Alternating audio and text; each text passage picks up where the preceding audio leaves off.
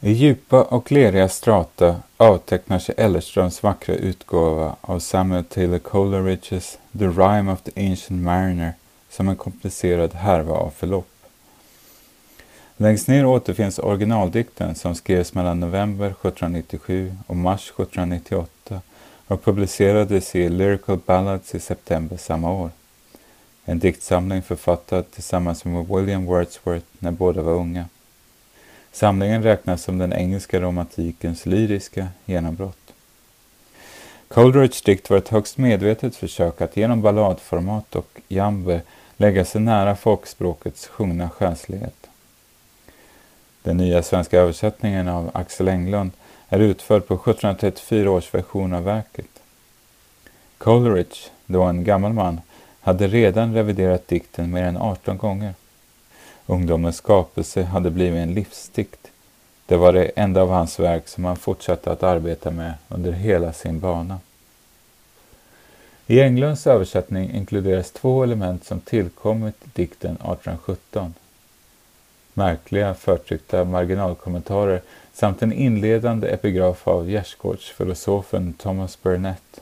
Han som mest elegant av alla balanserade den gamla religionen med den nya vetenskapen. I Coleridges version återgavs Burnett på latin. Den skulle således bara kunna läsas av de boklärda. Till skillnad från dikten som riktades till den idealiserade allmoge som romantikerna omfattade med en sådan tragisk obesvarad kärlek. Hellerströms upplaga inkluderar även Mervyn Peaks tolkande illustrationer från 1943. Vad som i Englunds översättning får heta Balladen är en historia om en märklig man som stannar en gäst på väg in till en bröllopsfest. Mannen har en historia som han insisterar på ska bli hörd. Han har varit med om en seglats till outforskade sydliga hav. Väl där nere besöktes skeppet av en albatross. Sjömannen sköt den ståtliga fågeln med sitt armborst av skäl han inte kan förnimma. Det blev början till en lång rad övernaturliga hemsökelser och hela den övriga besättningens död. Det är först när sjömannen lyckas se skönheten i havets mest vidriga djur, sjöormarna, som han får återvända till sitt kära hemland. Han är återkommen men drabbas ibland av kval som jagar ut honom på vägarna för att berätta sin eländiga historia. Klassiker förstås ofta genom deras förmåga att gestalta snarare än att analysera brott mellan tider och temperament. Något som i grunden fascinerar oss då vi ständigt försöker varsebli världen genom epoker och avgränsande parenteser. Klassikerna slungar sig framåt och trevar sig samtidigt bakåt längs ankarkättingen. Coleridge lyckas i balladen fånga upp denna pås i en märklig destillerad exakthet. En modern individuell skuld får samsas med allsköns otyg, en metaforisk symbolik med arkaiserande språk och folkligt tilltal. Performativt får även ett brott stå för handlingen, ett brott, sjömannens dräpande av albatrossen, som inte kan förklaras eller förstås. Paradoxalt nog kan det ibland gå lite väl snabbt att glömma bort vikten av det förflutna när vi återaktualiserar klassiker. Ivriga att lösa skuggor av vår tid i verket skyndar vi bort från dess sammansatta historicitet och specifika situering vid tillkomstögonblicket och andra tillfällen av vikt. Samtidigt måste tolkandet vara en fråga om grävandet av kanaler mellan då och nu som kommunicerar, inte bara formmässiga eller av andra konvergenser, men i en nästintill konkret mening. Vi lade ut med muntra tjut Englund följer hantverksskickligt versen, sätter nästan allt ner till de flesta inrimmen. Men det finns något modernistiskt kärvt och sakligt över hans tonalitet. The ship was cheered, the harbour cleared. Coleridges trumma mullrar fysiskt långt efter att Englunds skyndat över till ett mer själsligt och introvert tillstånd. Nedtonad och kontrollerad ter sig översättningen främmande invid originalets precisa yvigheter. Englund väljer även bort de mest arkaiska ordvändningarna. Det må vara förlåtet. Coleridge skrev innan den lilla gröna figuren Yoda i filmen Star Wars uppfanns för att med baklängestal göra parodi av vishet evig. Mer besvärande är dämpandet av detaljer. I diktens början är bröllopsgästen gäst, kort och gott, inte anhörig, next of kin, till brudparet. Han lyssnar till sjömannen som ett litet barn och inte a three years child. Och berättaren beskrivs som en gammal tok snarare än en greybeard loon. Inifrån festen hörs blåsmusik och inte en fagott och så vidare. Dis istället för is blir smaragdgrön. En annan skillnad är Englunds sparsmakade behandlingar av metonymiska öppningar. A sail, a sail förvandlas till mindre bildrikt ett skepp, ett skepp och Vespers nine till nio nätter. Vid andra tillfällen sker kondenseringar. Svåröversatta sweet jargoning får helt enkelt bli sång och en ghastly tale till en berättelse. Läsaren snuvas lite på konfekten. Samtidigt finns det ofrånkomligen passager där Englunds korthet fungerar utmärkt och lägger till något genom att dra ifrån.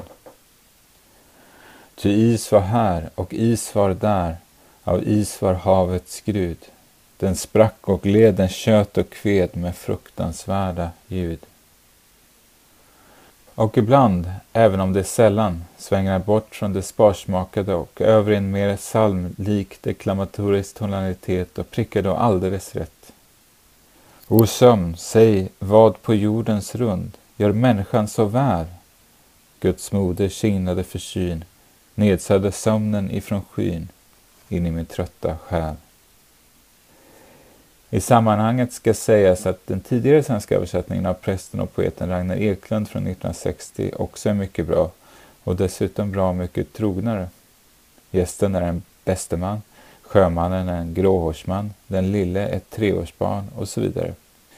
Ett annat problem är att Englund, till skillnad från Eklund, vantolkar den viktigaste marginalnoten. Noten återfinns vid sidan av strofen där sjömannen skjuter sitt armborstpil genom den ståtliga sjöfågeln. The ancient mariner inhospitably killeth the pious bird of good omen. I Eklunds version står den gamla sjömannen bryter gästfrihetens lag och dödar den fredliga fågeln som var ett gott omen. Men i Englund, den gamla sjömannen dödar illvilligt den fromme, hoppingivande fågeln. Att med avsikt vara ogästvänlig är illvilligt, men själva poängen i dikten är just avsaknad av motiv och att handlingen uttryckligen, som Eklund säger, bryter mot en specifik lag eller sed. Ett brott eller dåd som organiskt knyter det till den uppehållna bröllopsgästen som efter sjömannens jämmerhistoria avstår från att gå in till festen och därmed även från att testa gästfriheten. Trots dessa iakttagelser är Englunds tolkning lyckad. Det högmoderna språket är idag ungefär lika arkaiserande som Coleridge Yoda-badiska och fyller på vissa sätt samma funktion. Dessutom anknyter det effektivt till modernismens romantiska rötter. Balladen är heller inte bara en traditionell diktad dikt, ett format där protagonisten är skyldig. Verket står på randen till en annan typ av vittnesberättelse med mer diffus skuldfråga vilket kommer att bli central i senromantisk och högmodern litteratur. Den gamla sjömannen är halvvägs på väg mot att omstöpas till Melvilles Ismael, som blir vittne till Ehabs galenskap i Moby Dick, för att inte tala om Poes gamle man i En nedfärd i Malströmmen. Två berättelser som lik balladen inkluderar havets slukande virvlar och den enda personen som lyckas undfly för att berätta. Coleridge blir här till det moderna vittnesnarrativets själva urbild. Detta att ha varit vid randen och kikat ner. Och den som stirrar ner i avgrunden kommer att se att avgrunden stirrar tillbaka, som Nietzsche senare konstaterade i Bortom gott och ont. I sitt efterord anför Englund miljöförstörelsen och antropocenbegreppet som anledningar till att återaktualisera balladen. Verkets brott sätts i relation till vad som på engelska kallas Pottery Barn Rule. Om du har sönder den, så äger du den. Englund skriver att, jag citerar, Människan svikit det ansvar hon tog på sig genom att i grunden förändra den värld som djuren lever i. Slut på citat. Och han fortsätter med att retoriskt, retoriskt fråga om citat, den skjutna albatrossens symbolvärde förvandlats i och med att människans vårdslöshet hotar planetens mångfald och utrotar en djurart efter en annan. Slut på citat. Englunds samtidstunga tolkning av albatrossens dödande är vanligt förekommande i ekokritiska kretsar, liksom bland Coleridge-kännare som Richard Holmes. Problemet är inte bara nedkallandet av antropocenbegreppet. Det ligger visserligen och skvalpar hopplöst mellan ett kommersiellt akademiskt neologiskskapande, humanistisk metafysik och antihumanistisk skadeglädje. Värre är svårigheterna att få in berättelsens runda form i tolkningens fyrkantiga öppning. I balladen är det till exempel sjömannen som förändras av den vilda naturen, snarare än att den vilda naturen i grunden förändras av honom. Det går också mer spekulativt läsa Englunds tes om antipoetisk. Baudelaire i De ondas blommor skriver att poeten liknar albatrossen och de är båda varelser som befinner sig i exil när de landar i människornas världsliga världar. Om naturen nu skulle ha blivit mänsklig, ägd, öppnar det med Baudelaires tanke upp för det långt mer fruktansvärda scenariot att också poesin, likt albatrossen på däck, blivit klumpig, klen, ful och skrattretande. Balladen läs genom miljökrisen skapar en anakronism, vilket Englund själv påpekar. Han försvarar sig med ett klassiskt argument om klassikers perenna aktualitet, en där varje, jag citerar, engagerad läsning, slut på citat, ger liv till verket, jag citerar, genom att blåsa in sin egen sentida ande i den. Det är så meningen hos litterära klassiker förskjuts över tid, allt eftersom de betraktas ur nya vinklar av nya generationer. Slut på citat. Det finns andra sätt att se på saken, där det inte så mycket är anakronismen som divergensen mellan olika tiders andar som avgör en lyckad återaktualisering.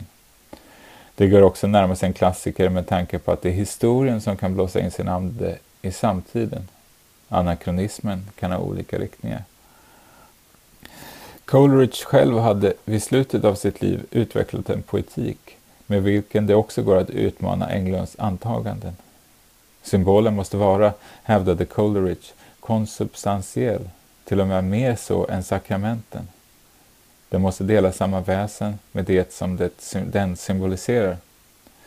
Detta är en djupare mening än att olika led måste passa med varandra, som när Aristoteles pratar om metaforer och påpekar att en typ av kläder är bättre för en äldre man och att blodröda mantlar gör sig bäst på ynglingar. För Coleridge handlar detta inte om vanor, smak eller känsla, utan om ontologi. En alternativ läsning, inspirerad av vittnestematiken, kunde lägga vikt vid den gästfrihet som Englund inte benämner. Det skulle också gå att prova den oortodoxa illviljan som är det nya sediment som man tillför, oavsett om den är befogad eller ej. Balladen blir i detta sällskap en rungande anklagelseskrift mot den moraliska ruttenhet, en skinny hand indeed, som lett fram till att rike och välmående länder som Sverige avvisar och ovärdigt bemöter främlingar. Ett grannlaga brott mot både praxis och reson som återaktualiserar sjömannens varning till en gäst som i början är på väg in till ett bröllop och som bestämmer sig för att i sorg vända om och gå tillbaka när han hört slutet på berättelsen. Brottet, illdådet, är arkaiskt, en förgripelse på gästen. Om det föds ur en outgrundlighet eller ett högst tolkbart själsligt tillkortakommande kan givetvis diskuteras. I Coleridges Sjöman, såväl som i alla och en var som orkar leva i ett samhälle kapabelt till brutal ogästvänlighet. I spänningsförhållandet mellan de två ursprungen ryms en annan ödesfråga än den klimathotet väcker. Vilken värld är det som vi vill rädda? Den gamla sjömannen blir fri från sitt albatrosskors i det ögonblick han kan se skönheten i havets slemmiga ormar. Han välsignar dem och är förmögen att be en bön. Inte längre står han över någon. Kärleken genomströmmar honom det ögonblick då han verkar inse att så skola det sista bliva det första och det första bliva det sista, som det står i Matteus evangeliet. Här har vi nerven som skälver genom lerlagren, från grunden till den ostadiga marken under våra fötter. Och här har vi sjömannens varning och visdom. Sjung den, du som vet vad det är att vara gäst och främling.